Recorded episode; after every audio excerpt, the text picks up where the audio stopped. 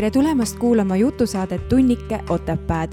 mina olen Kaidi Pajumaa. ja mina olen Merilin Kirbits. igas saates on uus külaline, kes on ühel või teisel viisil seotud Otepää vallaga. lisaks kajastame iganädalasi kohalikke uudiseid ja kultuurisündmusi.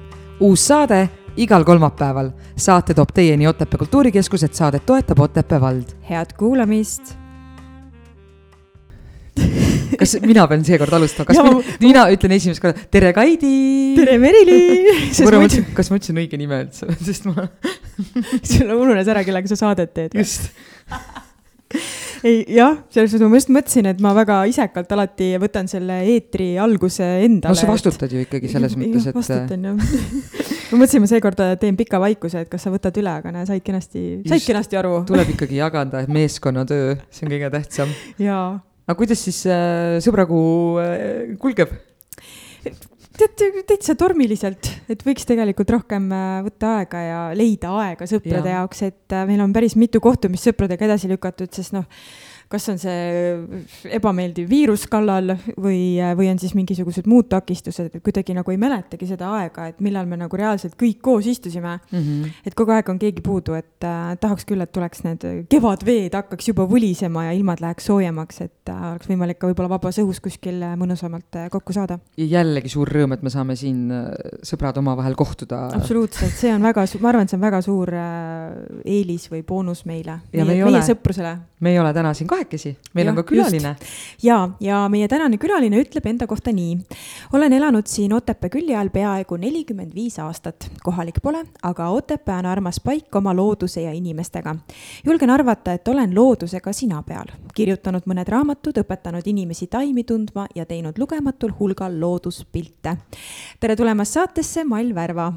tere kuidas äh, Kaidi ütles praegu mall või mm -hmm. mall, kas seal on, äh, mis, kuidas, kas sind on ka erinevalt kutsutud või on? ja, meil on kolm või viisi kutsutud. tegelikult kolm. on sünnipäraselt on ikkagi mall mm -hmm. selles mõttes, et see on selleaegne nimi.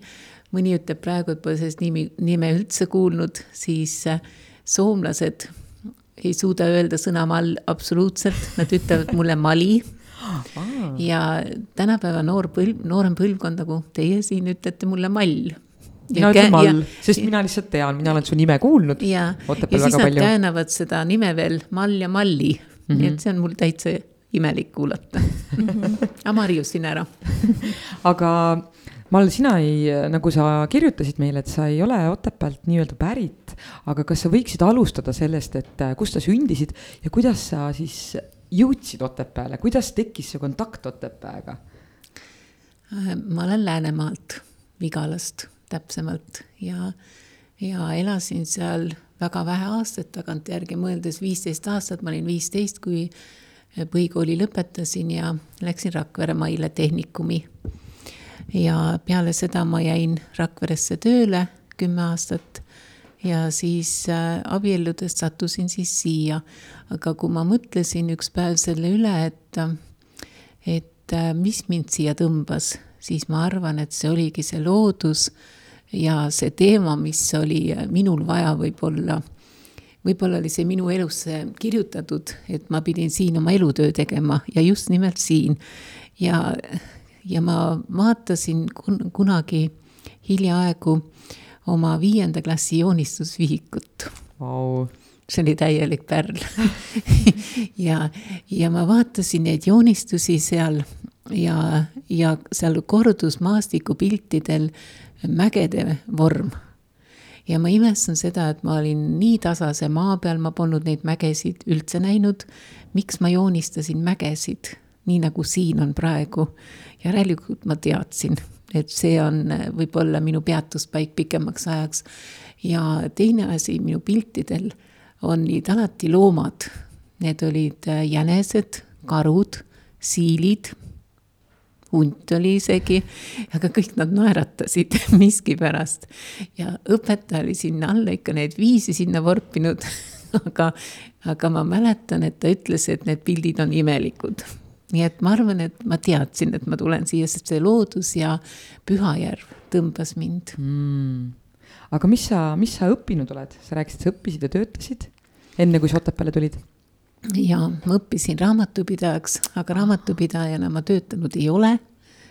ma, ma pean ütlema, et ma olen veevalaja ja veevalaja teeb kõike seda, mis ta tegelikult tahab teha või mida ta arvab, et ta teha võiks, aga ta ei käi reeglite järgi. nii et see kool oli mul lihtsalt üks, üks etapp minu elus. aga hiljem ma läksin töö juurest juba, läksin EPA-sse, õppisin agronoomiks ja see oli mulle hingelähedasem mm. -hmm. nii et tänu sellele ma sain baasi taimedele, taimede tundmisel ja looduse tundmisel aga mis hetkel sa kuidagi avastasid just need taimed, ma, tean, et sa oled ravimtaimedes hästi teadlik ja tunned neid hästi ja, ja kindlasti kasutad neid ja soovitad, aga et, et mis oli see hetk, kus just taimed olid need, mis sind paelusid?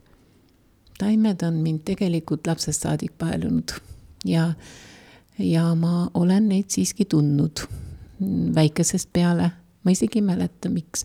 aga võib-olla sellepärast, et mu naabrinaine, eh, üksik inimene käis eh, elatusmarjade korjamisest ja ma käisin temaga sageli metsas. võib-olla tema õpetas, ei mäleta. aga taimed ja loodus on mind tegelikult kogu aeg paelunud, et see on, see on minu meelest nii üks ja seesama, et ma ei oskagi eristada ennast mm -hmm. sellest, et ma midagi kuskilt mujalt vaatan, nad ongi meiega kogu aeg. me jõudsime Otepääle jõudsime Otepääle. taimedeni. mul tegelikult ennem kohe tekkis, kui sa hakkasid rääkima, tekkis kohe küsimus äh, praegusest hetkest. kui palju üldse praegused inimesed äh, taimi tunnevad, kui hästi nad tunnevad? ma arvan, et kahtlaselt vähe, sellepärast et, äh, sellepärast et, et kui ma kirjutasin selle meie ravimtaimede raamatu, kus olid fotod, mu enda tehtud fotod ja, ja siis ma sain aru seda kirjutades ja kokku pannes juba, et inimesed tahavad, mina ise ka õppisin ju taimi tundma teiste raamatute järgi ja määrade järgi, et inimesed loevad nii palju taimedest, tahavad neid teada ja, aga nad ei leia neid üles mm. -hmm. ja, ja et selleks, et leida, sul peab olema kas väga autentne pilt, et selline, mis oleks õiges mõõdus või siis äh, keegi, kes sind õpetab mm -hmm. ja sa leia seda. see on niimoodi, et sa otsid nagu mingisuguses kolakambrist mingit ühte paberilehte, lolliks otsides mm, -hmm. ei leia seda. et jah, et seda tundmist oli vähe ja siis oli teine etapp, kui mul oli, ma ei oskagi öelda, võib-olla üle kümne aasta, kui mul käis aiast läbi tohutult äh, inimesi üle Eesti, kes, äh, mul oli ravimtaimeaed, kollektsioon ja nad käisid üle Eesti neid taimi tundma õppimas. Ja, ja siis oli kogu aeg oli no ajas naerma ausalt öeldes oli selline tekst, et kõnnivad siis seal mina ühel pool peenraid, see rahvamass seal teisel pool, ütleme mingi grupp, eks. ja, ja räägin siis, et vaata, et see taim on nüüd see ja sellest saab seda ja seda, seda, seda. ja siis täiesti soliidses eas proua hõikab korraga niimoodi, et aa, see on siis see. ja mul tuleb see mõmmi abis meelde et see on siis A mm -hmm.. jah, et äh, sa võid olla lugenud ja näinud ja pilti näinud, aga kui sa teda loodust näed, sa ei näe teda. sa pead ju tundma kasvukohta, sa pead teadma tegelikult, kus Väga ta palju. üldse kasvab mm, -hmm. kus sa võiksid teda leida, see ei ole see, et hakkan siit astuma ja pildi järgi, et kuhu minna, aga et sa pead taime hingeelu rohkem teadma.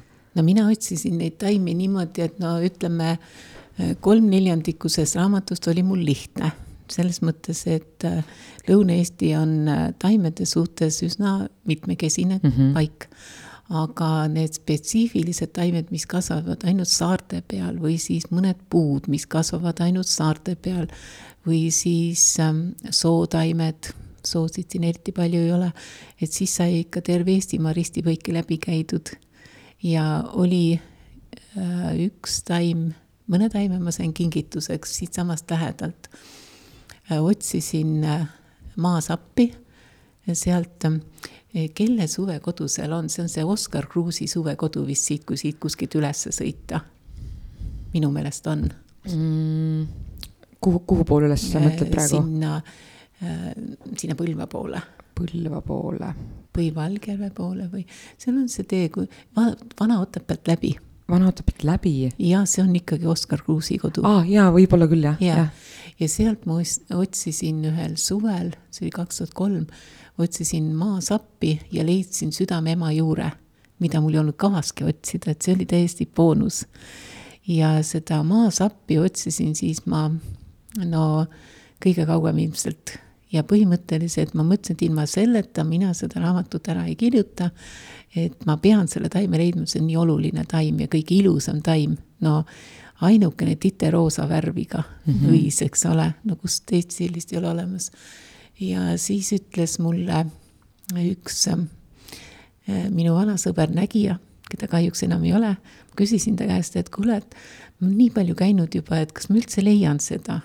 ja ta ütles väga targa lause, ta ütles, et jah sa leiad küll, aga siis, kui sa enam ei otsi seda nagu ikka elus. jah, ja pärast seda on mul elus olnud palju kordi selliseid asju, mitte taimedega, vaid niisuguste noh, olmeasjadega ka, et sa otsid, sa otsid ennast lolliks ja siis, kui sa enam ei otsi, siis see vaatab sulle vastu. see on nii, jah, ma ei tea, miks, aga. ei tea, see on seadus. aga mis sind ajendas üldse raamatut kirjutama, et äh, taimedest on ju veel kindlasti raamatuid väljas, et, et kuidas see sinu raamat oli eriline, et äh, tead, see algus oli niimoodi, et ega mina ei tulnud selle peale, et mina peaks midagi kirjutama mm. -hmm. see oli vist üheksakümmend kaheksa, üks märtsikuu päev oli, ma mäletan, niisugune sula ja päike paistis ja lauatelefon helises ja helistas ähm,, mis ta nüüd oligi, ma ei mäletagi see, minu arust seda kirjastust enam ei ole mm. -hmm. Ants Sild oli selle kirjastuse juht igastahes äh, mulle helistas toimetaja ja ütles niimoodi, et me tellime teilt raamatu ravimtaimedest. Mm,. imestasin küll suuresti, mõtlesin, mis mõttes. Ja siis ma küsisin niimoodi, et miks te arvate, et mina üldse kirjutada oskan? ja tema ütles mulle umbes niimoodi, et aga see ei puutu teisse mida meie arvame, et teie kirjutate ja küll meie juba teame ja siis oli mu esimene raamat, mis ma kirjutasin, tillukene, võib-olla üle saja taime oli, aga see oli hästi huvitav. ja selle nimi oli Tee ravimtaimede juurde. ja siis tulid need teised juba, mis Maaleht tellis, aga see kõige viimane raamat, mis oli kõige põhjalikum, kus on tõesti kõik Eesti ravimtaimed üsna suurel hulgal sees, üle kolmesaja, nii vanad kui uued, sellega oli niimoodi, et et Maaleht pidi selle avaldama ja meil oli kokkulepe sellega, ma kirjutasin ta peaaegu et valmis ja siis tulid tõrked. et samal ajal ilmus mürktaimedest raamat, aga kuna ravimtaimedest osa on väga paljud ka mürgised taimed, siis need oleks nagu kordusesse läinud. siis tuli aiataimedest samal ajal raamat, jälle kordusid minu omad, eks ole ja, ja siis nad hakkasid nagu ütlema, et noh, et kui ma luban sealt kõik välja lõigata, mis nemad arvavad, siis nad trükivad ära ma isegi ei mõtelnud selle peale, ma panin sahtlisse ja ütlesin, et aitab mm, -hmm. jääb ära. ja siis ühel kevadel, ühel kevadel mm, keegi, issand jumal, noh, nüüd on jälle mul meelest läinud, Bernardi juht oli Mutso, Madis Mutso äkki ja, ja ta ütles niimoodi, et ähm, kuidagi tegi ma käisin seal ähm, rääkimas inimestele taimedest ja kuidagi tuli sellest raamatust juttu, ma ütlesin, aa, mul on jah, see üks käsikiri seal poolik sahtlis. ja ta ütles, et saada mulle see sissejuhatus. ma ütlesin, mis sa teed sellega, no saada mulle mm. -hmm. saatsin talle selle sissejuhatuse ja tema andis selle oma sõbrale Alo Murutarile, kes oli kirjastaja. ja Murutar ütles, et, ähm, et tulge siia, et läbi, räägime läbi. ja läksin sinna ja ta ütleb niimoodi, et ma lugesin selle sissejuhatuse läbi, et võtame selle raamatu trükki kirjastada. ma ütlesin, et pole raamatut üldse näinudki, mul ta lõpetamata ka ja ta ütles, et umbes samamoodi, et aga noh, mis, mis see sinu asi on või sina nüüd lõpeta ära. ja, ja siis äh, saigi siis ära lõpetatud väga kiiresti, vist ühe aastaga ja siis, äh, kui see raamat valmis sai, siis Alo kirjutas sinna read, et äh, õige asja äratundmiseks või hea asja äratundmiseks ei kulu palju aega ja sellest tehti hästi palju neid, äh, vist neli kordustrükki, nii et, et on Wow, wow. Vau, nii. aga kui see on Eestis kõige põhjalikum ravimtaimede raamat, siis kindlasti arvuliselt on minu oma, ma arvan, aga ta ei ole teaduslik selles mõttes, et seal on kogutud kokku need kasutusviisid, aga mis minu raamatus on eriline, on see, et seal on kirjeldatud seda, neid leiukohtasid, kuna ma ise olen need üles otsinud mm. -hmm. ja, ja et selle järgi on igal inimesel ise ka lihtne neid otsida ja muidugi kasutusviisid ka. kas sa Aga- oled, või seda, kas sa oled äh, neid taimi endale siis aeda ka viinud, et seal kasvatada neid? Ei, ma ei too enam taimi, tähendab enne kui ma kirjutama hakkasin mm, -hmm. enne seda ma kogusin, mul oli ka mingi üle saja taime oli aias lihtsalt, et endale vaadata, teistele näidata mm. -hmm. aga ma ei ole põhimõtteliselt toonud aeda juurde, et üle saja taime oli sul aias? Ravimtaime? jah. minu jaoks on alati see taimedega või loodusega ravimine hästi äh, paelunud. ma kujutan ette, et sina tänasel hetkel ikkagi võidki öelda, et kas, et inimene võibki ennast taimedega terveks ravida? ma küsin niimoodi ja siis mul on kohe üks jätkuküsimus ka. ma ei oskagi vastata sellele selles mõttes, et ma pigem arvan niimoodi, et laiemalt võttes, et kui inimene elab loodusega ühes rütmis ja nagu ütlen, no võib-olla kõlab õõnsalt, aga loodusseaduste järgi, siis ta võib tõesti taimedega nagu abi saada, aga kui ta on niimoodi linnastunud ja ja, ja, ja hoopis teise elurütmiga, teiste tõekspidamistega, siis on see taim talle võõras mm., on loogiline. jah, ma ise nagu mõtlen seda, et, et miks osadel inimestel selline selline meetod nagu toimib ja teistel inimestel ei toimi, et mul, mul on nagu tunne, et, et siin on ka nagu usus küsimus, et kui sa usud selle taime väge ja ta sind aitab ja, ja võib-olla ei ole seal seda sundust, et nüüd ma teen sellest teed või mis iganes või on mingi määre näiteks, et nüüd ta peab mind aitama, vaid kuidagi see pöördumine nagu lugupidavalt selle, selle taime energia või taime väe või taime ema või kelle iganes suhtes, et, et see ongi see kuidagi alandlikkus või austus äh, noh, kogu selle looduse vastu, et noh, minul endal ema on ka selline, et, et küll saab sellest ja tollest ja kolmandast asjast abi, et et kuidagi lapsena nagu toimisid need asjad rohkem, et noh, kui kuskil oli katki, siis mis, mis see teeleht vist pandi peale, eks ju mm, -hmm. ja, ja, ja nagu läkski ju üle.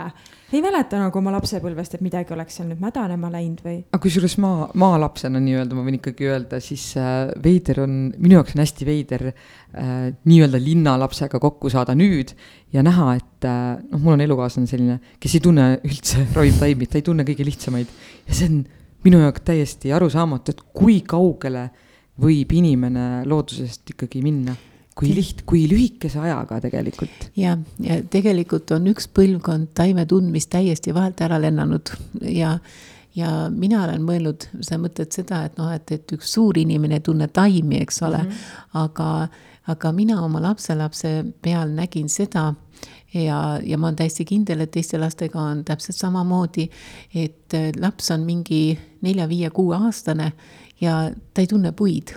ta ei tea, mis on mänd, mis on kuusk, mis on kadakas, ta ei tunne puulehti ära, taimedest rääkimata.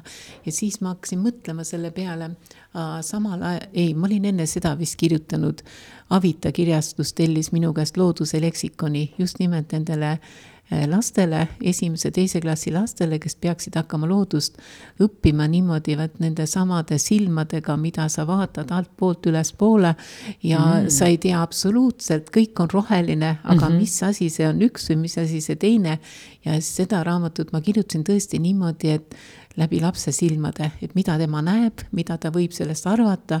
ja alustasime suurtest puudest ja lõpetasime kaladega, noh, et käisime kogu selle piltidega selle loodusringi läbi ja siis ma oma lapselapse pealt tegin siis selliseid inimkatseid nii-öelda, et me alustasime ka puudest, puulehtedest, puudest, kordasime üle, mis on mis, kui ta kooli läks. ma arvan, et ta oli võib-olla üks vähestest, kes äh, puid tundis ja mm -hmm. taimi tundis ja aga, aga ja tänavu suvel me käisime Setomaal kahekesi ja siis ma ütlesin, et neli taime päevas ei ole sul üldse raske ära õppida, mis me siis õppisime, soolikarohi, põdrakanep, angervaks. mis see üks nüüd oli, üks oli hästi keeruline, mul endal ka meelest ära läinud ja igastahes ta mitu nädalat hiljem laulis mulle need veel ette, et näe, mäletan küll, eks ole.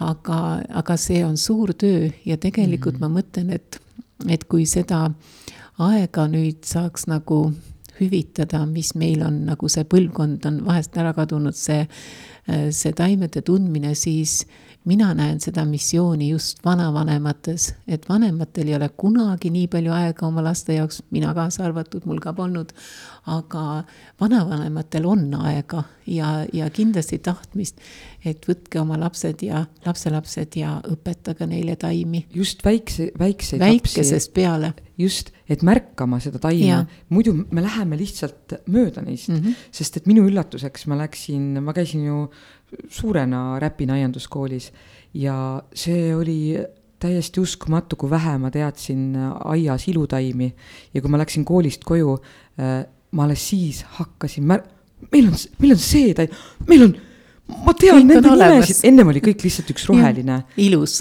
ilus roheline. just, et mm. kuidas ma ei märganud ja kuidas sa siis hakkad märkama, et õpetada last nagu märkama ja tundma nagu huvi selle vastu ja seal on teine pool veel, et kes äh, tahaks süvitsi minna, siis ähm, väga tänuväärne oleks see, et kui sa räägid lapsele sellest ähm, loodusest nagu tervikust ja elus asjast, et et see on, see on minu meelest tohutu heategu nii selle lapsele kui kui loodusele, et kui laps läheb metsa, no näiteks minu lapselaps läheb metsa ja ütleb kõva häälega, et tere metsaema, me tulime mm. -hmm. ja ei unusta kunagi pärast head aega ja aitäh ütlemast, eks ole.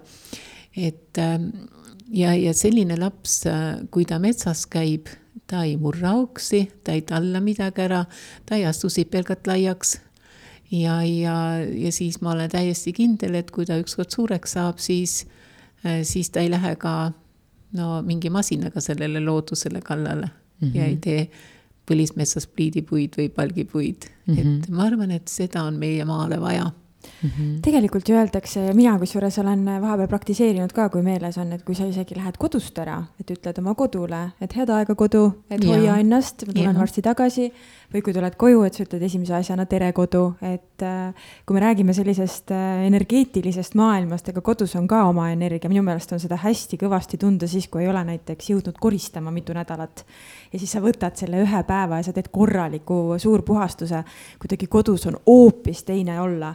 et kui varem oli nagu see, et, et noh, et, et seda on vaja teha ja toda on vaja teha, et kuidagi nagu ei tahtnud olla kodus. mulle tuleb, et energia jäi seisma nagu. jah, et energia nagu ja. seisis kuskil nurkades ja siis ja. sa lööd selle nagu käima ja sa tunned, kui hea on jälle kodus olla. no mina olen ikka see, kes viirukiga ka käib ja, mööda nurkasid ja mul on need äh, salveid ja, ja üks on see äge. mul on see Palo Santo puu. jaa, Palo Santo, vot seda tahtsingi öelda. see on kusjuures minu laste lemmiklõhn, iga kord nad küsivad, emme, kas me võime selle põlema panna, väga meeldib see lõhn jah. ja siis, kui ära koristad, siis maja ohkab kergendatult ja siis ja. on õhku nii palju, et sul on kerge hingata. aga tegelikult tulekski kõigega rääkida mm, -hmm. sellepärast et no mina räägin küll koerte ja kassidega ja see on imelik, kuidas sa lähed oma koerast mööda, sa ei räägi temaga mm. -hmm. see on ju täitsa veider. või ja. siis autoga. ja, ja kui sa autoga Kus... räägid mm -hmm. ja suhtled temaga, ta jäta sind mm -hmm. iial tee peale. Ja sellepärast on ülikurb äh, vahetada auto välja. on. see on, ta on nii elav nagu. minul on hästi läinud minul oli minu sõber Põnn ta oli pisikene auto ja, ja, ja siis, kui olude sunnid teda tõesti enam remontida ei kannatanud ja, ja siis, siis läks ka niimoodi, et ta pidi vanarauaks minema ja ma põdesin seda nii hullult. ja siis leidus sellele ostja. oi, kui tore, nagu see päästeti nii-öelda. see on ju täitsa kummaline, kuidas noh, mõtled küll, et ta on äh, raud lihtsalt on ju, aga ma ise. ei ole ka... raud, ta on täiesti elav. et kui ma seitse aastat oma esimese autoga sõitsin Suzuki'ga ja ma teadsin, ma pean ta maha müüma ja ma mäletan, ma istusingi oma kodu ees, istusin autos, saatsin kõik ülejäänud ära enda juurest ja ma reaalselt, noh, ma reaalselt nutsin. mina ka nutsin. mul oli nii kahju, ma mõtlesin kogu aeg, issand, et mida sa teed, et noh, see on auto, aga ta kuidagi kasvab su külge. ma tundsin, et ma olen ta alt vedanud, et ja. ma olen ta maha jätnud mm. -hmm. millest me räägime issand, kui põnev, aga ja. nii tore, et teised ka mõtlevad nii, ma mõtlesin mm, -hmm. et ma olen üksinda, ei julge rääkida ka kellegagi sellest mm -hmm. väga isegi kui ma süüa teen, isegi siis ma nagu äh, palun vahepeal, ma ei tea, nüüd arutavad kõik arvavad, et ma olen imelik, aga palun ingleid, et, äh, et see toit valmis, valmiks nagu, et ta tuleks maitsev, sest ma ei usalda väga oma toidu tegemist. Ja nii naljakas on see, et eelmisel nädalal ma väga palju praktiseerisin seda palumist. Ja iga kord tuli hea söök.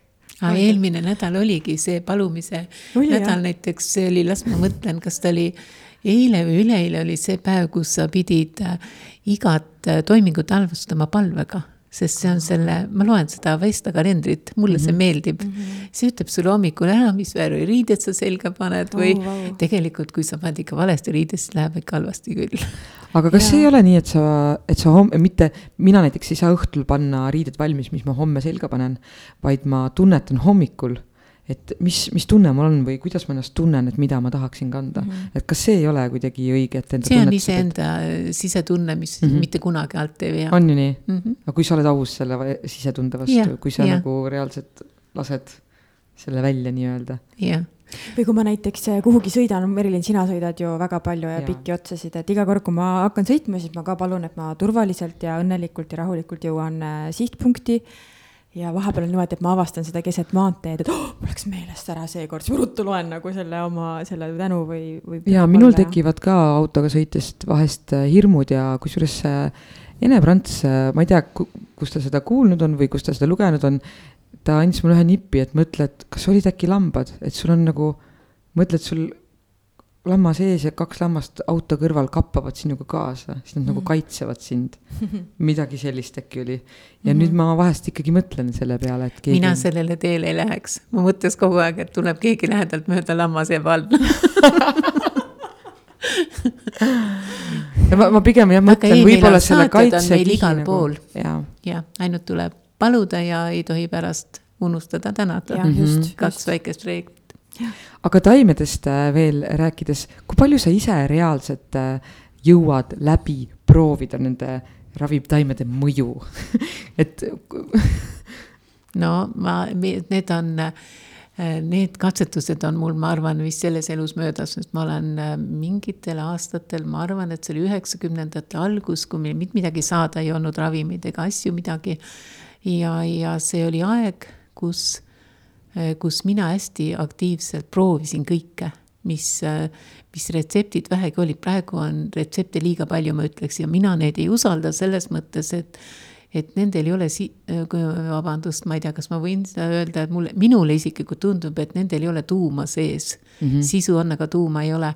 mina ei tea, kuskohast nad on maha kirjutatud, kes on seda niimoodi arvatud, eks ole, aga siis oli kõik nagu see algne, näiteks mm -hmm. mina tegin oma need tõmmised põhiliselt ähm, kas Maria Trebeni raamatu järgi, mis on väga vana käsikiri, ja siis oli ka selline aeg, äh, kus äh, piiritust oli vabalt saada mm. kolmeliitiste purkidega näiteks. Mul oli, mul oli aeromeeter, mis, äh, millega sa said ise seda timmida vajalikku karaadi, eks ole ja, ja, ja siis ma siis tegin neid tõmmisid ikka nii, et mul oli pikk aknalaud oli kogu aeg oli mingisuguseid potsikuid täis ja klientuuri oli ka. selles mõttes, et mul käis väga palju käis Soome rühmasid mm. ja, ja siis ma siis sildistasin neid seal ja, ja pakendasin ja, ja, ja no muidugi rääkisin ka, mismoodi teha ja või kasutada ja kui palju kasutada. isegi sakslased on minu taimi ja minu tinktuure endale kaasa saanud. ja noh, üldse, et ma kusagil müünud ei ole midagi niimoodi, et on mm -hmm. küll mhm. tehtud ettepanekuid, aga ma ei ole äri peale tahtnud mitte kunagi minna, pigem ma teen siiamaale tinktuure, küll vähemas hulgas ja ja, ja, ja koguses, aga, aga ma annan need inimestele, kellel on neid tarvis mm. -hmm lihtsalt, aga see aeg oli hästi selline jah, katsetamise aeg, et kõiksuguseid võimalikke asju. aga mm, ma tahtsin seda küsida, et kas sa äh,, mõtlen, kuidas ma seda sõnastan kas sa kuuled äh, taimekutsungit ka? ma mõtlen just nagu sellistel hetkedel, et kui keegi on pöördunud su poole, et mul on nagu selline probleem ja võib-olla ei ole sa sellega näiteks varem elus kokku puutunud. ja siis, kui sa nagu kuidagi lased selle mõtte vabaks, et mismoodi seda inimest aidata, et kas, kas siis kuidagi see taimeenergia nagu jõuab sinuni, et, et kasuta mind selles olukorras või noh, see võib-olla selliseks läheb väga niisuguseks fantaasiamaailmaks. ei, ei, ei, see ei ole fantaasia, see on see, millest nagu kõik räägivad, aga niimoodi, et ongi niimoodi, et tunneta ja kuula ja vaata, mina seda ei kasuta. selles mm -hmm. mõttes, et ma pigem kasutan kogemusi mm, -hmm. sest neid on üsna palju kogunenud ja, ja muidugi see teadmine küll, et kui keegi räägib, et tal on see, see häda, siis ma mõtlema üldiselt ei pea, sest ma tean, mis taim see on ja, ja reeglina ma tean ka neid äh, kohti, kus kohas see taim just nimelt kasvab. ja ma olen kunagi kasutanud ka sellist viisi, et näiteks kunagi ammu aastate tagant üks naine, kellel oli neeruprobleem ja tal oli kuldvitsa vaja, aga see kuldvits kasvas tükk maad kaugemal, meil suvelõpupäev oli ja ma teadsin seda ka, et tal olid närvid hästi läbi omadega. ja, ja ma ütlesin, et lähme, korjame sulle selle kuldvitsa ära ja vot sellega seoses tuli mul meelde see, et ma esimest korda kuulsin metsalaulu, olete te kuulnud? ma ei ole kindel, mis sa selle all mõtled mm? -hmm. täitsa reaalne laul. me tulime suve, see oli augustipäev, oli selline pealelõunane aeg oli ja mina kardan kohutavalt mesilasi lapsest saadik, sellepärast et mul on mesilast allergia. ja ühe mhm. korraga äh, kuulen, kui tuleb mesilast sülem no niisuse undamisega, nii nagu nad tulevad, eks ole, pereitmine. ja, ja jäin äh, klõpsi seisma ja ütlesin, et kuuled või, tema ei kuulnud mitte midagi. aga see tuli ja tuli ja tuli ja see oli imeilus. lõpuks oli ta niimoodi, et ta kruttis ennast nagu ülesse, aga mesilasi ei olnud. et ja me olime sellise metsalagendiku peal et, et see oligi esimest korda, ma kuulsin metsalaulu, ma olen hiljem ka kuulnud See... aga, aga siis ei olnudki mesilasi või? ei, mesilasi ei olnud. aga oligi sama selline undamine ja? Ulu-, ilus oli undamine see ei olnudki, ta oli selline nagu vibreerimine mingisugune. ja, ja hiljem olen ka kuulnud, seda on lihtsalt niimoodi, et kui sa täiesti üksinda vaikselt tuult ei ole, ühe korraga hakkavad puuladvad nagu kiikuma, mingisugune rühm puid hakkab kiikuma ja tekitab mingi heli täiesti tuuletul päeval niimoodi äh, metsa, Metsajärve kaldal olen ma küll istunud ja mulle meeldib väga suviti ja sügiseti rabas käia ja üksi just ja võttagi see aeg ja olla seal. seda vaikust ma olen küll kuulnud, aga just, just, just kuidagi mul üks sõber ütles, et kui sa piisavalt kaua ja piisavalt vaikselt oled äh, metsas või siis, või, või rabas, et siis äh, see raba või mets või loodus võtab su omaks et ta enam ei, selles suhtes, noh, täpselt nagu sa ütlesid, et tekib see heli, ta ei, ta ei nimetanud seda niimoodi, aga ta ütles, et mets võtab su vabaks ja, ja ta läheb nagu oma elurütmiga edasi, et tema jaoks ei ole enam võõras, et sina oled seal. ja siis ma nagu olin päris mitmel korral eelmisel suvel püüdsingi seda, et ma lähen ja olen ja olen vaikselt ja ükskord ma olin ikkagi seal rabas, olin kaks tundi. ma ei kuulnud midagi aga mul on kõige, sa olid liiga, sa olid liiga vähe. kõige parem on see, kui sa jääd sinna rabasse magama mm -hmm. ja siis, kui sa ükskord ärkad mm, -hmm. siis sa võid arvata, et keegi kõnnib sul seal lähedal ja mm, -hmm. ja, ja sa oled selle elu sees. mina näiteks ükskord jäin magama metsas ja kui ma siis ärkasin, siis ma kuulsin, et keegi tuleb läbi lehtede suurte sammudega. ma pidin hirmust, ma ei tea -hmm. püksi laskma ja siis, kui ma siis vaatan, et kes see siis tuleb ei usu ilma peal, aga see oli must toonekurg oh,. oi. päriselt?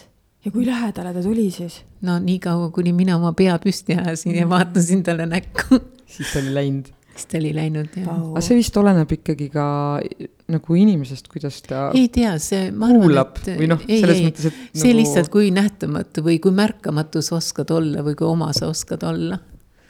et noh, sa oled nii, et sind ei ole mm. -hmm sest mina olen küll tänu vanematele päris palju looduses ikkagi aega veetnud ja mul Kõige praegu, mul lihtsalt praegu kumiseb kogu loodus peas, kõik, mida ma kuulnud olen, kõik helid nagu praegu lihtsalt on minuga siin ruumis, kuidagi väga mõnus tunnetuni ja ma nii ootan praegu suve kogu selle jutu peale nagu, tahakski mm -hmm. minna sinna metsa ja kõige parem on üksinda olla metsas ja siis sul ei ole võimalust rääkida kellegiga, siis sa saad mõelda ja siis sa saadki olla nähtamatus, kui tekib mingisugune heli kusagil, sul jääb kas või jalg õhku ja sa ei pane seda jalga maha, sa oled hästi kuss, sellepärast et sa vaatad, et mis toimub mm -hmm. ja siis sa kulgedki niimoodi sellega rütmis mm. -hmm. aga kui, kui sa rääkisid nendest tinktuuridest, et kui sa ise oma mingisuguse tinktuuri välja töötad, kui kaua selle katsetamine aega võtab umbes, lihtsalt niisugused. seal enda peal katsetad ära, ei, ega mina ei olegi midagi välja töötanud, ma teen selliseid äh, tuntuid asju mm. -hmm. niisuguseid, no mis on klassika mm. -hmm. katsetamisaeg on mul ammu möödas, sellest ma enam rääkida ei taha, aga need, ma tähendab, ma ei ole ühtegi halba tagasisidet saanud, kõik on hästi läinud aga kui, kui palju inimesed pöörduvad sinu poole abi, abipalvega, et äh, nõu mm. anda ja suunata? Ma olen üsna tagasi tõmbunud selles suhtes, et, et ma olen elus ka aru saanud seda, et mina ei jõua teiste eest vastutada ega ma eriti ei tahagi seda teha, sellepärast et noh, nii kui nagu sa ütlesid, eks ole, et, et kui palju see taim sind aidata võib, siis ega see ei ole niimoodi, et taim ei ole mingisugune kiirabi mm. -hmm. et kui sa oled valesti elanud, valesti söönud ja valesid tegusid teinud ja su elurütm on vale ja mis iganes. ja siis, kui sa ütled, et, et vot, et mul on nüüd seda taime tarvis või seda rohtu tarvis, siis minu meelest see ei ole õige. ta ei aita sind ja, ja sa ei saa teise eest vastutada mm. -hmm. ja ta ei usu ka sellesse ja see on täiesti mõttetu Mm -hmm. et kõike tuleks siis nagu muuta, aga inimesed on nii palju laisad, et nad ei muuda oma elustiili, nad ei muuda oma toitumist ja, ja mis see taim siis seal ravivad sümptomeid lihtsalt. tagajärgi. jah, just, jah. Kuigi tegelikult see juur on seal hoopis kaugemal sees, millega peaks tegelema. jah aga sellest limatünnikust tahaks jaa, jõuamegi seente juurde, et ja. taimed ei ole ainuke sinu kirg, sa tunned ka väga hästi seeni, mis ei on. tunne. ei tunne? ei, tunne, ma tunnen lapsest saadik seeni täpselt nii palju, et ma tean, mis on söödav seen ja mis ei ole söödav seen, et need kahtlased, mis nüüd on tulnud, need igasugused kännuseened ja need, neid yeah. mina, ma võin teda tunda, aga ma ei äh, taha ah, teda süüa ah,. Okay. ma olen, ma olen stagnant selles suhtes aga, aga limatünnikust ma tahtsin sellepärast rääkida, et meie looduses on niisuguseid aardeid peidus, täitsa lähedal nad võivad olla. et vähe sellest, et me kodus käime sellest nii-öelda rohelisest üle ja ei tunne taimi, siis mets on ka täis igasuguseid üllatusi ja nende aastate jooksul olen ma otsinud teadlikult neid küll seal oma kodukandis looduskaitse all olevaid taimi ja, ja ma olen pildistamisega seoses olen ma käinud Eestimaa risti-põiki läbi üksinda ja, ja põhjalikult ja olen leidnud üht koma teist aga selle limatünnikuga seoses ja lastega seoses, mis me enne rääkisime, on meil Liisbetiga, Liisbet on mu lapselaps mm, -hmm. selline plaan, oli juba möödunud kevadel, aga siis koroona segas ära, et me teeme kevadel ekskursiooni klassiga, nende klassiga ja läheme limatünnikutele külla aga kuna see on nüüd, üks aasta nüüd on ära jäänud selle pärast, aga ma loodan, et sellel aastal nüüd ta ei jää ära. et miks ma seda tahan, ma tahan nendele lastele näidata midagi niisugust, mida nad terve elu jooksul ilmselt kunagi enam ei kohta. ja, ja kui laps näeb midagi nii haruldast ja nii salapärast, siis ta teab, et meie metsad on rikkad ja, ja et ta võib, noh, ta võib, kui ta suureks saab, ta võib leida väga-väga palju aardeid, aga et ta peab saama selleks mingisuguse tõuke ja see on, no see on täielik, see on täielik boonus või no täielik, täielik, ma ei teagi, mis asi, kingitus. et kui sa kohe alguses, sa oled nii väike, et sa isegi ei tea, mis asi see limatünnik on ja sa näed ta ära see on niisugune loodusime, et ma tahan seda lastele pakkuda. kas see limatünnik kasvab ainult ühes kohas või, või on ta, või on tema lihtsalt kasvukohad väga minu arvates on neid Eestis üksteist kasukohta üldse leitud. üks on Põlvamaal. seda ma ei ütle, kuhu meie läheme sest sinna ei tohi minna ja, ja jah aga limatünnik on siis äh, mürgine seen, ma saan aru, ja? ei, ta ei ole mürgine ah., aga ta ei ole ka söödav. aa, neutraalne no ta on niisugune, et ta võib olla äh, ta võib olla maa sees niimoodi, et ta ei tule mitu aastat välja sealt, kui tal on, ei ole soodsad kasvutingimused. aga siis, kui on soodsad kasvutingimused, siis ta pistab oma nina välja mm.. Eh, aga meil on praegu veebruar, mis on eh, sõbrakuu. Eh, eelmisel nädalal oli sõbrapäev, aga me tunneme, et tegelikult võiks terve veebruarikuu olla tänulikud nende sõprade ja lähedaste eest, kes meie ümber on ja loomulikult ka tähistada Eesti Vabariigi sünnipäeva. Kuidas, kuidas sinu elus sõpradega lood on? kui ma... palju sa leiad aega?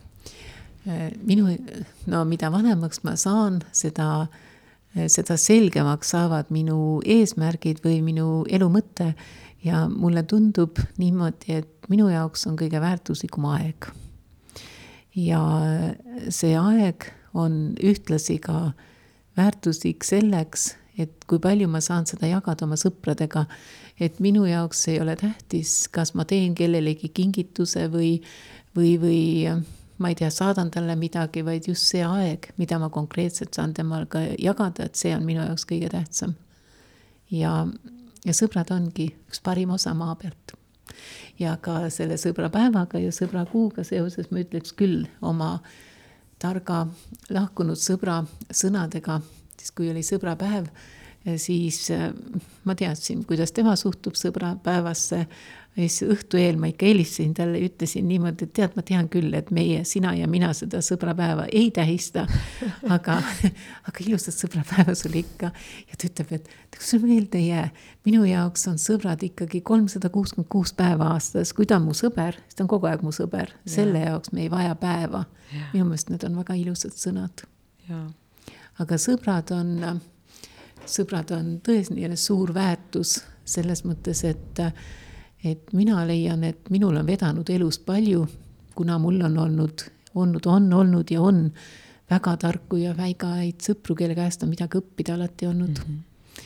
ja, ja, ja ma avastasin möödunud aasta lõpus midagi imelist. minu noorem poeg küsis üks päev minu käest sellise küsimuse. Äh, kas sa tead, mis su elutee number on? esimese hooga ütlesin, et tead, ma ei mäleta siis ta ütles, et taguur järgi. ja ma olin selle ära unustanud ja siis ma võtsin siis ette ja rehkendasin siis oma elude numbri välja ja, ja üllatusin, sest ma võtsin sealt ka oma laste ja oma sõprade elude numbreid ja, ja ütlen teilegi, et, et kui te olete piisavalt noored, kui te tahate teada saada, miks te kellegiga hästi sobite või miks see kellelegi üleüldse ei sobi, siis võtke nende elude number ja vaadake. panen kirja selle. ma olen seda elude numbrit olen... vist ka kuidagi arvutanud kunagi. jaa, sa pead lööma, lihtne, see on imelihtne, aga, aga sellega on selline asi, et kui sa selle ma ei ütle teile ette, ma ei anna teile spikrit, kui sa teed selle ära mm -hmm. oma lähedaste ja oma sõprade suhtes. näiteks minul oli see nii suur üllatus et enamus minu kõige paremaid sõpru oli minuga sama number. ja, mhm. ja kui ma ja nende sõprade hulka kuulub ka näiteks üks inimene, kellega me kohtume haruharva. ta on minust natukene vanem ja me kohtume haruharva ja kui ma helistasin talle ja küsisin, et no meil on ühised huvid, vääris, need poolvääriskivid mm -hmm. ja mhm. kristallid ja sellised värgid, eks ole. ja ta peab pisikest poodi. ja küsisin ta käest, et kuule, et mis su elude number on. ja kui ta ütles sellesama numbri, mis minul, siis ma ei imestanud enam mitte millegi üle mm. -hmm. nii ongi. aga et... mida, mida see elutee number näitab? see näitab seda, et see on nagu sinu, see on nagu sinu mõnes mõttes nagu see kaasavara, millega sa sünnid siia ilma. et sellel hetkel, kui sa sündisid, saad sa teada, Ehm, kui vana su hing on? nüüd mul tuleb meelde, mu ema on arvutanud meie perenumbrid ja ütles minule, sa oled kõige vanem hing meist, sina pead mind ja isa õpetama. nii ongi. kusjuures mul on praegu. selline tunne ja kui ma mõtlen selle peale, siis tegelikult nii ongi, tihtipeale nad pöörduvad ka kogu aeg minu poole, et küsida nagu nõu. Ja ma tunnengi, et nagu mul on kaks last. Kusjuures ma arvutasin praegu sinu oma ja. ära ja sul on üheksa. mul on ka tere! ja, ja ma mõtlen, et minul on kuus ja mm -hmm. mina olen hästi palju selle elude numbrite kohta lugenud, mu ema on ka hästi, kogu aeg on see, et iga kord, kui meil tuleb uus inimene perre, siis ka nii, nii, siis ta arvutab selle elude numbri ja kohe nii, mis aasta on, eks ju, kõik need numbrid ja särgid, värgid. aga nii palju, kui mina olen number kuue kohta lugenud, siis äh, ma üldse nagu ei, ei, ei suuda ennast samastada, et kuidagi nagu võib-olla. sa ei tunne, et sa oleks kuus? jah ma nagu jah, ma ei tunne, et ma olen kuus. siis tea, keera miks. mõttes ringi, siis oled üheksa. mulle ka tundub siis jah, et. vot ei tea jah. kusjuures tänavu aasta number, aastanumber on kuus. et need, kellel on, kellel on elude number kuus, nendel peaks väga hea aasta tulema mm.. aga samas on kuue kohta ka öeldakse, et see on kõige vastuolulisem number, elude number üldse on kuus. mis see tähendab siis? no loe ise vastuoluline vastuoluline. nii nagu sa isegi ütled praegu, et sa ei tunne, et sa kuus oled, seal on juba mm. -hmm. ma, ma, ma, ma ei ole mitu kuud nagu, ma pean ikka uuesti selle kuue võtma, päris palju muutusi on minus viimaste kuude jooksul toimunud et äkki, äkki nüüd ma, äkki ma nüüd ma samastun. äkki sa oled nüüd kuus? aga üheksa on tõesti kõige vanem hing no, ja see tähendab seda, et üheksa, elude numbris üheksas on kõigi eelnevate eh, eluteede kogemused sees. ja mina, ma olin tükk-tükk maad noorem kui äh, mul oli mitu korda öeldud niimoodi, no need, kes on nägijad, ma kutsun need suure tähega nägijatest, eks mm -hmm. ole. Nad on öelnud mulle, et aa, et sina ju tead, et sa oled vana hing. ja ma olen isegi nagu kergelt solvunud selle üle, et mis vana, ma pole üldse vana ja, ja, ja nüüd ma saan aru, üheksa ongi vana hing, aga kuidas nemad seda teadsid, sest nemad ei arvuta Nad, nad raudselt näevad mingit näevad, numbrit jah. lihtsalt juba sul otsa ees on see ei number. ei no nad näevad su olemuse ära lihtsalt mm.. et see maailm on väga huvitav. on küll, see tei-, teistsugune maailm ja nagu sa enne ütlesid, sina, Merilin, ütlesid mulle, et, et noh, et sa ei, ähm, sa ei saa neid uskuda, mõningasi asju, kuna sa ei ole neid näinud, eks ole. samamoodi öeldakse, et äh, kes usub Jumalat, kes ei usu Jumalat, keegi näinud ei ole, eks ole, mhm. aga aga sa usud seda, et see on õhk, mida sa hingad. ma ei tea, mis see vastus on sa usud ju, et sa hingad õhku. no ma tunnen seda, et ma teen seda. jaa, aga näed sa seda? ei. mulle kunagi. nii ongi jumalat ka ei näe. väga hea näide kusjuures. jaa, mulle kunagi keegi ütles, ma ei mäleta, ma vaata olen ikka, ma naeran saatest saatesse, et ma olen tsitaadimutt, et mulle väga nagu tsitaadid meeldivad ja alati õigel hetkel tuleb meelde et äh, keegi kunagi küsis, et, et kuidas on võimalik seda energeetilist maailma uskuda või usaldada, et öeldakse, et usalda ja, ja elu juhib sind. ja siis ta ütles nagu selliselt vahvalt, et ega sa ei näe ennem, kui sa usaldad, aga inimene ei taha usaldada ennem, kui ta näeb mm. -hmm. ehk siis juba tegelikult inimese DNA-sse või olemusse on see kahtlus justkui sisse kirjutatud, et sel hetkel, kui sa hakkad uskuma ja usaldama, sa näed kogu maailma ja seni, kuni sa nõuad seda nägemist, siis sa ei koge mitte midagi. minul on täielik usalduse probleem siis, sest ma, kui, ma nüüd mõtlen ühe konkreetse näite puhul, mis mul elus on, elus on vahepeal kurbi sündmusi, eks ole, ja mina sellesse sündmusesse enne ei usu, kui mina näen seda. Te saate aru, mis ma mõtlen, ma arvan, aga mm -hmm. ja mina peangi nägema. ja see, kas see tuleb siis sellest tõesti, et ma ei mul on mingi usalduse küsimus. jah, aga sa, keegi ei pea midagi tegema, midagi ei pea tegema, kui sa ei taha seda teha. ja sellesama, et kui sa näiteks äh, ei taha seda teada, sa ei pea seda teadma. ja sinu jaoks, sinu jaoks ei ole seda olemas, see on sinu enda valik. sa teed palju fotosid, aga kuidas sa selle nagu pildistamise juurde jõudsid üldse? ahah, pildistama ma hakkasin Rakveres ja ostsin oma esimese fotoaparaadi ja tegin mustvalgeid pilte. siis pildistasin ma inimesi, natuke loodust. siis ma tulin siia, siis ma pildistasin lapsi põhiliselt, oma lapsi. ja vaat siis, kui, siis ma hakkasin pildistama vist rohkem jah, kui mul oli neid taimi tarvis. ja siis nendest taimedest ma läksin sujuvalt, läksin loomade ja lindude juurde mm. ja ega ma inimesi siiamaale ei taha pildistada mm. -hmm aga loomad ja linnud ja no nende järgi ma olen tohutu palju sõitnud, kui palju. no näiteks kahe tuhande viiendal aastal sõitsin ma nädal aega iga päev kuuskümmend kilomeetrit sinna ja tagasi kalakotkast pildistama nii et sa oled tegelikult loomade elukohtadega ka väga kursis, et sa tead, kus ja, neid leida nii-öelda. jah, ma olen pildistanud valget kitse. muide wow. valget kitse. ja albiinokitse. mõned aastad tagasi jälle sõitsin iga päev kolmkümmend kilomeetrit sinna ja tagasi. ja ma olen karusid pildistanud. sa oled karusid näinud? ma küsin, ma pigem küsin, kas sa oled karusid näinud? jah, ma wow. olen karusid näinud hästi lähedalt, ma olen äh, Põhja-Soomes käinud pildistamas neid varjest kus nad on nii lähedal, et kahekümne meetri peal, et see karuhais ja see matsutamine kostab sulle kõrvu.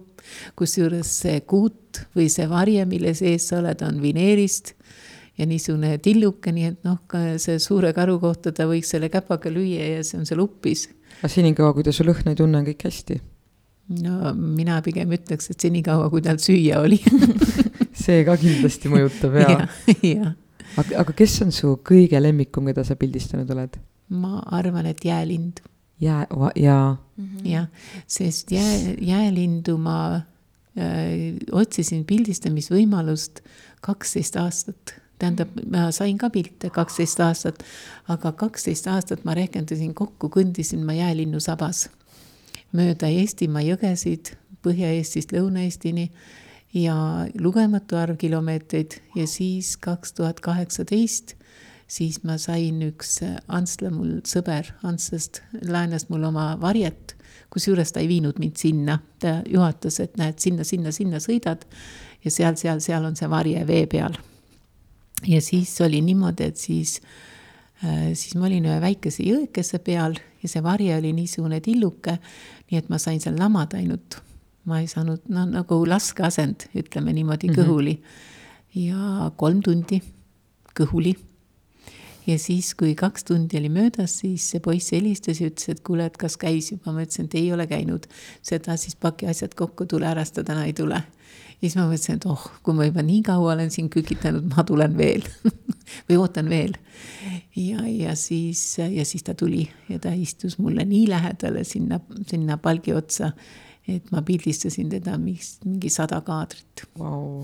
ja selle kohta, minu selle pildi kohta ütles minu sõber Fred Jüssi, et niisugust pilti on keelatud teha, see on kuritegu teha nii head pilti ta oli lihtsalt kade. ei olnud, ta on, ta on väga hea huumorimeel, ta ütles niimoodi, et see pilt lõi mu lihtsalt jalust, rabas ära. aga wow. see oli seda väärt.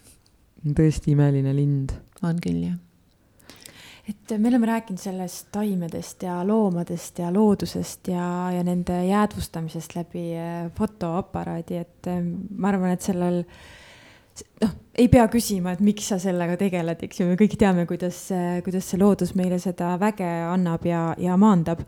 aga sa ju ka kirjutad ja tegelikult sa ju dramatiseerisid eh, meie jaoks ühe loo, mis eelmisel suve hakul välja tuli Merilin seda lavastas ja minul oli seal õnn osaleda.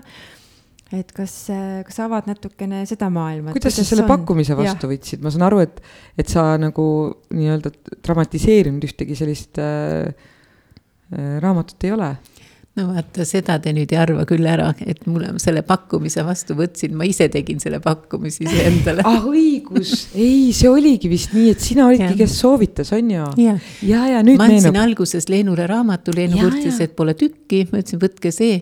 ja jõudsin auto juurde, siis helistasin niimoodi, et kuule, et ära hakka otsima, sa kirjutad, ma kirjutan ise. umbes sihukese mõttega, et nagunii keegi paremini ei teeks, vabandust ülbuse pärast nii tulebki mõelda. ja, ja, ja, ja siis noh, ma olen kirjutanud palju asju tegelikult äh, ütleme niimoodi, et mitu aastat olen ma Maalehele kirjutanud nii-öelda kolumne või, või neid nädalalugusid.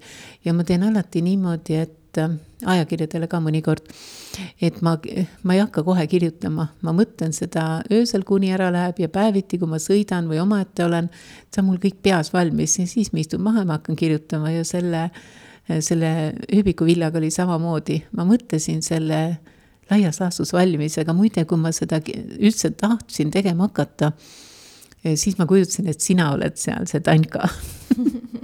Et see oli minu jaoks nii suur pettumus, et näed, ei saanudki Merilini sinna. Aga üldiselt oli ikka no hästi tore, minu jaoks oli see, kuidas te selle ära tegite.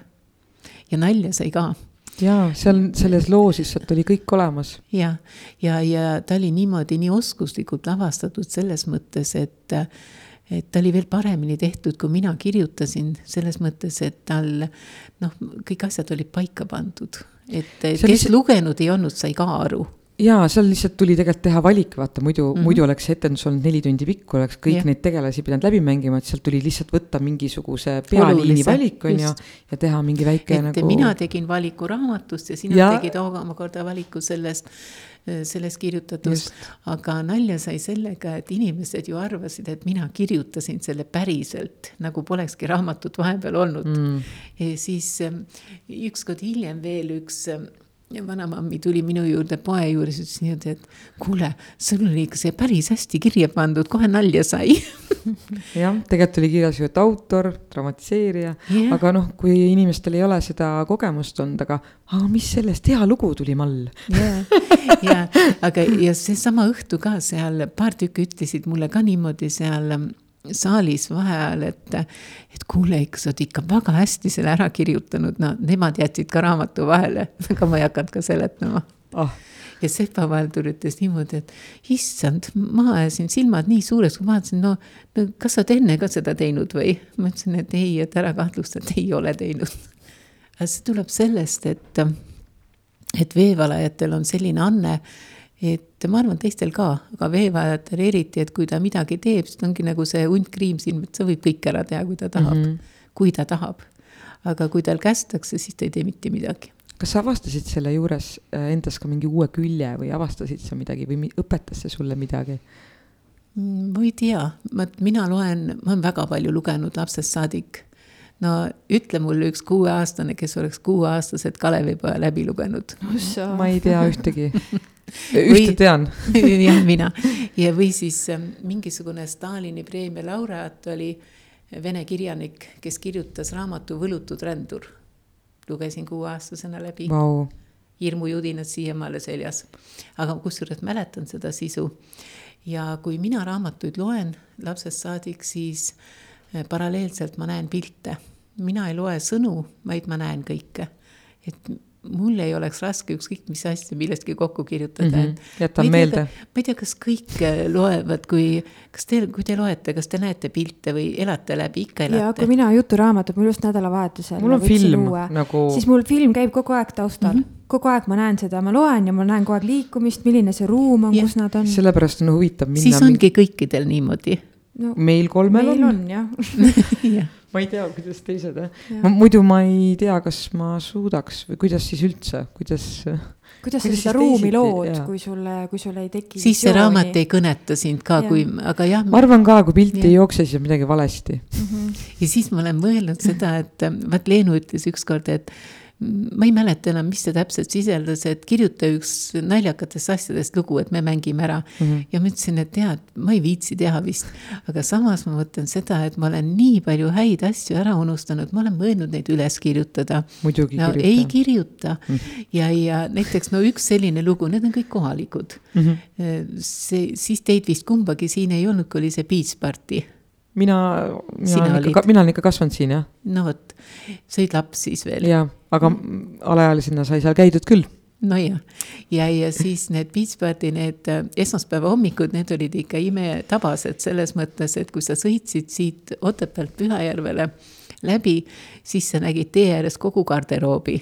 no seal oli igasuguseid pesuesemeid, jalanõusid, no nendest magavatest inimestest rääkimata. -hmm. aga siin selle ühel esmaspäeva hommikul äh, kuulsin mina sellist teksti, kus äh, postkontori nurga juures oli lehekiosk ja minu ees olid kaks äh, noh, päris ära närtsinud noorhärrat aga nad ei olnud väga noored, nad olid ikka sellised kakskümmend pluss ja saab siis nende järjekord kätte ja küsib siis üks niimoodi, see oli suht jahe hommik. ja küsib siis üks, et kas teil sokke on, selle müüja käest.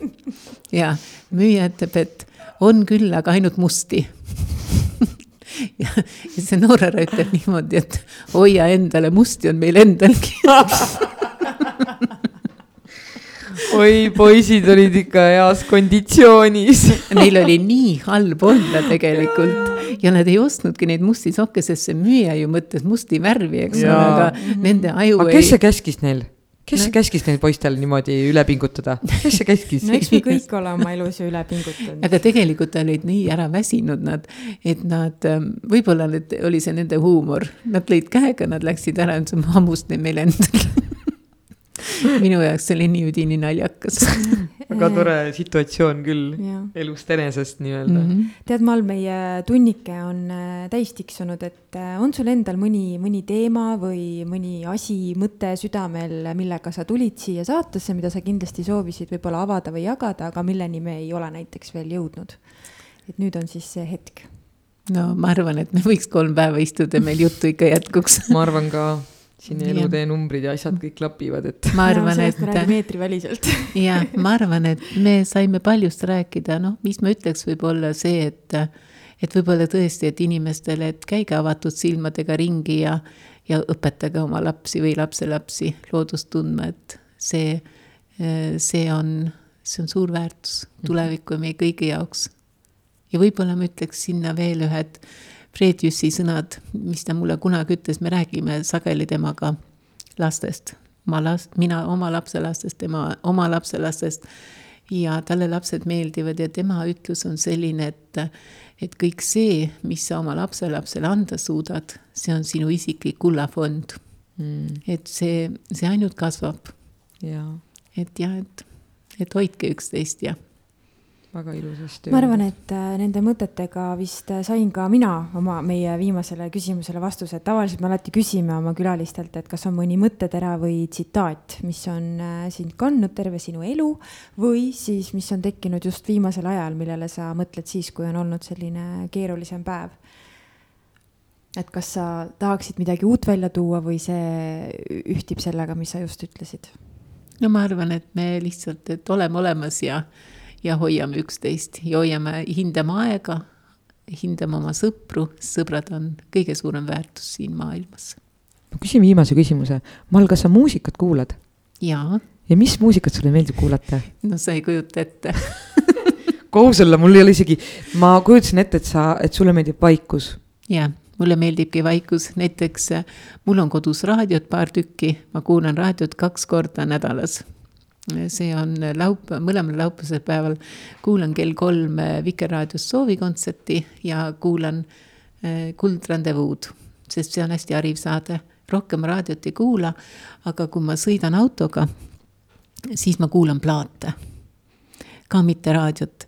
ja mulle viimasel ajal ma olen kuulnud viimased kolm kuud äh, ühte ja sama plaati ja see on Kalmer Tennossaar sellepärast et äh, see on niivõrd puhas heli. ja kui ma sellega näiteks, kui ma panen vahepeal raadio mängima ja tuleb mingi tänapäeva muusika, siis see minu jaoks on prügi. või noh, see reostab mu kõrva, ma ei ole üldse musikaalne, aga ma tunnen ära, mis on puhas või mis ei ole puhas. ja vot seesama, see, äh, see Tennossaare laulud ja selle laulu juures see orkestripillid, sa võid kõik ükshaaval ära kuulata, see kõik on niivõrd puhas heli ja, ja need laulud ja see viis, need mul pähe kulunud, need on minuaegsed, kui mina noor olin, tolleaegsed laulud, eks ole, need sõnad ja kõik see on mul peas, aga just see heli, sellel on selline puhastav mõju. et see, sellega saab laadida. ma on naudin sul, seda. on sul oma lemmiklugu ka Kalmer Tennassaarelt?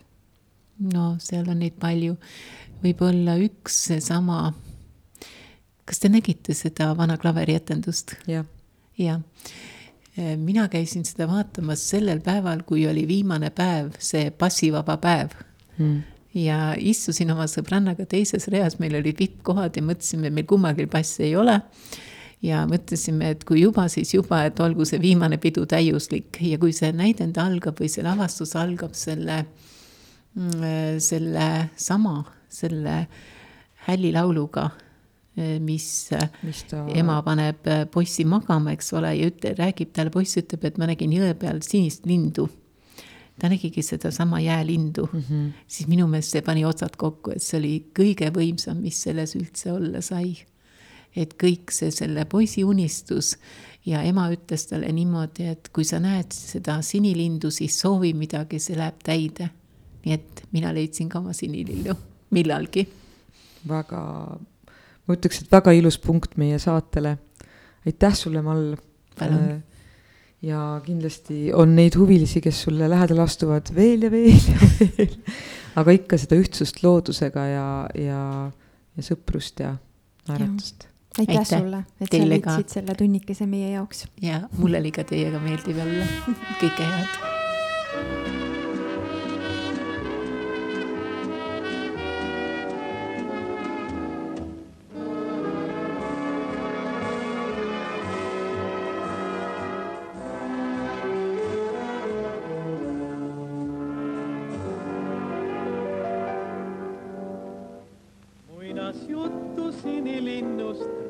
rääkis mulle ema, kui ma olin väike ja uni vaevas mind.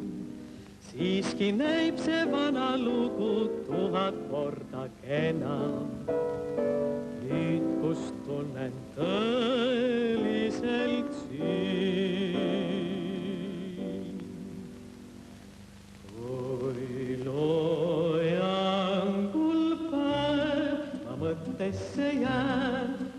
See my eyes.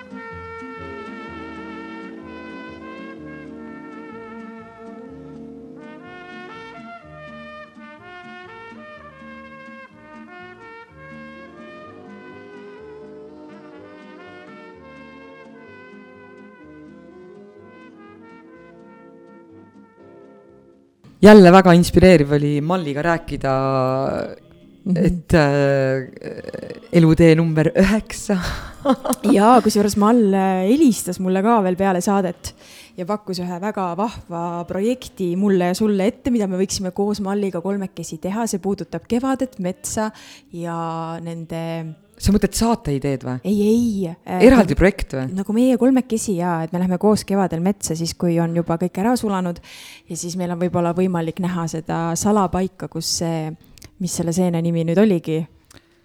mingi. mingi tünn oli nälgik, nä- mm.. Mingi imelik seen, mis on Eestis äh, punases raamatus, aga et teda see meie vestlus nii inspireeris, et ta kutsub meid, et me võiksime kolmekesi minna siis, kui on see sinilillede aeg ja see.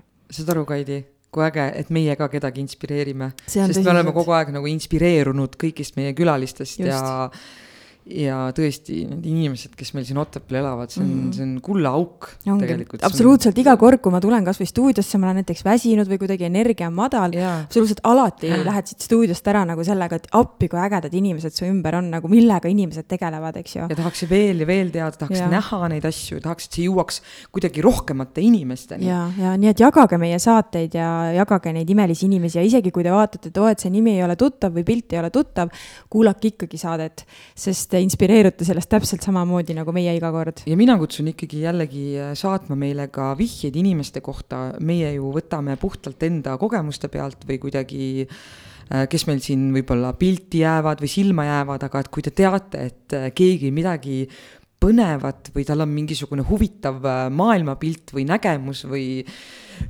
mõttemaailm, siis, siis nii äge on nende inimestega mm, rääkida. on tõesti, on tõesti, aga Merks, räägi, mis uudist? Äh, uudised. Otepää vallavalitsus pakub tööd majandusteenistuse juhatajale.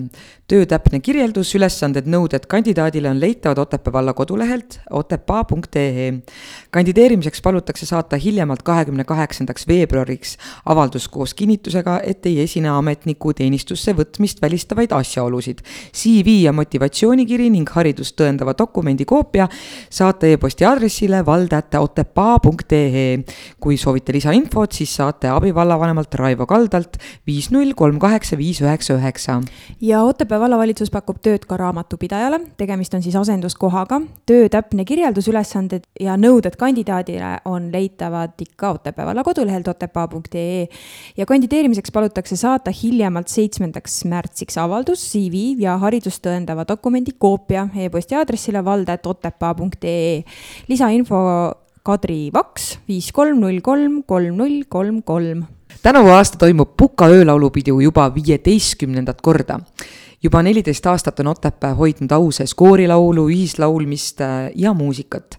Laulmine on alati olnud üks osa eestlaste pärimuskultuurist. kuna ükski laulupidu ei saa toimuda ilma koorilauljate ja publikuta, siis soovime, et just teie, armsad inimesed, kujundaksite meie selleaastase juubelipeo repertuaari. selleks palume jagada meiega enda eestikeelset lemmiklaulu. kirjuta aadressil kaidi.pajumaa at otepaa.ee oma lemmiklugu, mida soovid augustikuisel Puka öölaulupeol kuulda ja muidugi, millele soovid kaasa laulda. aga žürii valib välja kakskümmend parimat lugu, millele korraldame hääletuse ning viisteist kõige rohkem hääli saanud laulu tulevadki üheksateistkümnendal augustil kaks tuhat kakskümmend kaks Puka öölaulupeol esitlusele. vastuseid ootame juba kümnendaks märtsiks kaks tuhat kakskümmend kaks, siis ma ei tea igaks juhuks ütlen see on jah, mingi, mingi kuuni me alati ütleme seda aastaarvu, et inimesed ikka harjuks, et ei ole enam kakskümmend üks, vaid on kakskümmend kaks aasta. aga ja siinkohal ma tõsiselt panen inimestele südamele, et äh, olge lahked ja olge aktiivsed neid oma lemmiklugusid jagama, sest just nimelt tänu teile me saame oma repertuaari kokku panna. me ei tahaks seda teha jälle omal valikul, vaid just nimelt teid kaasates, sest äh, sellised laulupeod ongi oma kogukonna inimeste jaoks ja muidugi ka väljaspoolt, äh, kes äh, elavad kaasa sellisele öölaulupeo traditsioonile. kaks inimest on saatnud oma viis lemmiklugu aga tahaks, et see valik oleks tunduvalt suurem, et me reaalselt saaksime sellise hääletuse teha, nii et kümnes märts on tegelikult juba ukse taga, nii et olge, olge aktiivsed aga kuueteistkümnendal veebruaril oli saja seitsmekümne seitsmes sünniaastapäev tuntud Sangaste rukkigraafil Friedrich Georg Magnus Bergil. suurmeest mälestati Sangaste kalmistu mälestusmärgi juures. mälestusmärgile asetasid Otepää valla poolt pärjad volikogu esimees Rein Pullerits ja vallavanem Jaanus Parkala. kokkutulnuid tervitas lisaks vallavanemale ka Eesti Rukkiseltsi esimees Vahur Kukk. huviliste seas oli Sangaste põllumehi ja ettevõtjaid, Sangaste lossi esindajaid ja teisigi. jumala sõna jagas Sangaste Sangaste Püha Andrease koguduse diakon Tanel Meiel. Öeldakse, et hullumeelsuse ja geniaalsuse vahe on väga väike. kui krahv Berg omal ajal Sangastes tegutses, siis tollel ajal võis ta tõesti paista veidrikuna, sõnas vallavanem Jaanus Parkala ja lisas, et tänapäeval võime kindlalt öelda, et tegemist oli geniaalse mehega, kes oli oma ajast ees. tema tööd ja tegemised toovad siiamaani Eestile kuulsust. sündmuse korraldas Eesti Rukkiselts Sangaste ja Laatere kirikutes osaleb teenistustel praktikant Urmas Koorits Urmas Koorits on Tartu Ülikooli usuteaduskonna bakalaureuseõppe viimasel kursusel olev tudeng, kes praktika käigus osaleb Sangaste kirikus äh, jumalateenistustel. Sangaste Püha Andrease koguduse diakon äh, Tanel Meiel avaldas lootust, et praktika Sangaste ja Laatre kogudustes aitab Urmasel tulevikus langetada otsust vaimuliku ameti suunas. kes soovib rohkem Urmase kohta lugeda, siis leiab selle Otepää valla kodulehelt. ikka Otepaa punkt ee ma arvan, et Urmas Koorits võiks olla ka kindlasti üks meie saate külalistest. aga piilume natuke meelelahutusvaldkonda, mis on siin kultuurisündmustest äh, nädala jooksul tulemas. meil on tulemas Eesti Vabariigi sünnipäev ja selle puhul on tegelikult alates juba teisipäevast, te küll kuulate seda saadet kolmapäeval, aga juba teisipäevast on erinevad sündmused. ent äh, kahekümne neljandal veebruaril Otepää kirikus kell kümme toimub siis äh, Eesti Vabariigi saja neljandale aastapäevale pühendatud jumalateenistus. kell kümme kolmkümmend on pärgade asetamine Otepää Vabadussamba jalamile, kell kaksteist null null Sangaste kirikus Eesti Vabariigi saja neljanda aastapäevale pühendatud jumalateenistus ja kahekümne neljandal veebruaril Pühajärve taliujulas kell kaksteist null null Eesti Vabariigi auks karastavas talvevees ujumine korraldavad Pühajärve taliujujad. kuule, kuidas sul selle talisupplemisega läheb? no kui ma ikka saan, siis ma ikka käin. et jah? väga hästi läheb, et õudne. ma siin mõtlen, et kui ma Otepääle jõuan selleks kellaajaks, siis äh, miks mitte ikkagi Eesti auks ja Eesti nimel ja neljapäeval, kahekümne neljandal veebruaril siis vabariigi aastapäeva suur rahvamatkamise päev, kell kaksteist null null see algab. ja see on siis loodusturism.ee traditsiooniline Eesti Vabariigi aastapäeva matkapäev, mis kulgeb ka seekord suurejooneliselt. pakutakse matkakorralduses välja kogu temaatika, mida talv võimaldab, see tähendab, toimuvad juhendatud tõukekelgumatk, uisumatk, suusamatk, räätsamatk ja fätt tõukerattamatk. grupi suurused kuni kakskümmend viis liiget üksikud huvilised, pered ja gruppi koondunud sõbrad või väiksemad kollektiivid, palun liituge. liigume üheskoos teie, meie ja vabariigi terviseks. olete kõik lahkesti osalema oodatud, kes soovib lisainfot, siis äh, Imre Arro on see kontaktisik, telefoninumber on viis kaks seitse kaks seitse null üks või siis emaili aadress imre.loodusturism.ee. aga muidugi Eesti Vabariigi sünnipäeval, kahekümne neljandal veebruaril on Nõuni kultuurimajas kell seitseteist null null Eesti Vabariigi saja neljanda neljanda aastapäeva tähistamine volikogu esimehe Rein Pulleritsu ja vallavanema Jaanus Parkala aastapäeva vastuvõtt kõigile vallakodanikele. seal saab näha ka etendust Eesti Vabariik null versus sada neli. laval Nõuni noored, autoriks on Aire Pajur ja Kaidi Pajumaa, juhendaja Kaidi Pajumaa ja muusikaline kujundaja Merle Soonberg. pidu on kõigile tasuta ja muidugi olete kõik lahkesti oodatud. lisainfot saate Nõuni kultuurimaja kultuurikorraldajalt Marika Viksilt viis kolm neli kuus viis kuus neli kaheksa kuni kuuenda märtsini toimub Puka kultuurimajas Markus Kasemaa näitus Figuurid üks koma null ja üks koma viis. näitus saab uudistama tulla eelneval kokkuleppel telefonil viis viis viis kolm kolm viis kuus neli ja kontaktisikuks on siis Katrin Uhvert esimesel märtsil toimub Pukas vastlapäeva trall kell seitseteist kolmkümmend Haiglamäel. lustimis- ja liikumisrõõmu väikestele ja suurtele Puka haiglamäel. tuunitud kelkude võistlus, kõige pikem liug, täpsusvise, padjasõda ja muud vastlapäevale kohased tegevused, nagu padjasõda lahe, see on lumest padjad äkki. aga pakutakse vastlakukleid, hernesuppi ja vaarika varreteed. sündmust korraldavad Puka noortekeskus ja Puka kultuurimaja. rohkem infot siis noorsootöötajalt Pille Priidikult viis null seitse neli neli viis kaheksa või Puka kultuurimaja kultuurikorraldajat Katrin Uhvertilt viis viis viis kolm kolm viis kuus neli. ja hiljuti oli Pille Priidik, äh, Puka noorsootöötaja meil ka saates, nii et otsige see saade üles ja kindlasti kuulake järgi, see oli väga põnev. teisel märtsil toimuvad Tehvandi spordikeskuses kell seitse õhtul üheksa, ehk siis üheksateist null null Valgamaa talimängud kaks tuhat kakskümmend kaks teatesuusatamises. talimängude teatesuusatamine on neli korda üks koma viis kilomeetrit kilomeetrit. peakohtunik on Tanel Ojaste, start ja finiš Kalju Ojaste, korraldavad äh, suusaklubi Karupesa tiim ja Valgamaa Spordiliit nii et äh, Eesti Vabariigi sünnipäeva kuul on tegevust äh, küll ja veel väikestele, suurtele ja noortele ja, ja vanadele. lausa sünnipäevanädalal on meil siin päris palju tegevust, nii et Just. kindlasti võtke osa ja ja Nõuni kultuurimajas kahekümne neljandal veebruari õhtul see vallavanema ja volikogu esimehe vastuvõtt ongi siis ametlik Otepää valla vabariigi, Eesti Vabariigi aastapäeva sündmus. nii et äh, tulge kindlasti kohale, Nõuni Otepääst õnneks väga kaugel ei ole ja ma usun, et see saab tore olema. ja saab suu magusaks ka, on ju. jaa saab suu magusaks. midagi pole teha, see on ikka oluline osa ja. selle juures, kui ikka sünnipäev on, siis tahaks ikka. no ma... alati on nii, et kui sünnipäeval käid, kuule, et äh, mis äh, süüa pakuti. tahaks mamm-mammi ka nagu saada natuke nii tore, Merilin, et sa kohale jõudsid aitäh, et sa mind alati siin ees ootamas oled. et äh, oli igati vahva kohtumine mm, Malliga ja ootame põnevusega juba järgmist külalist. just, aitäh, et te olete endiselt meiega. tšau. tšau.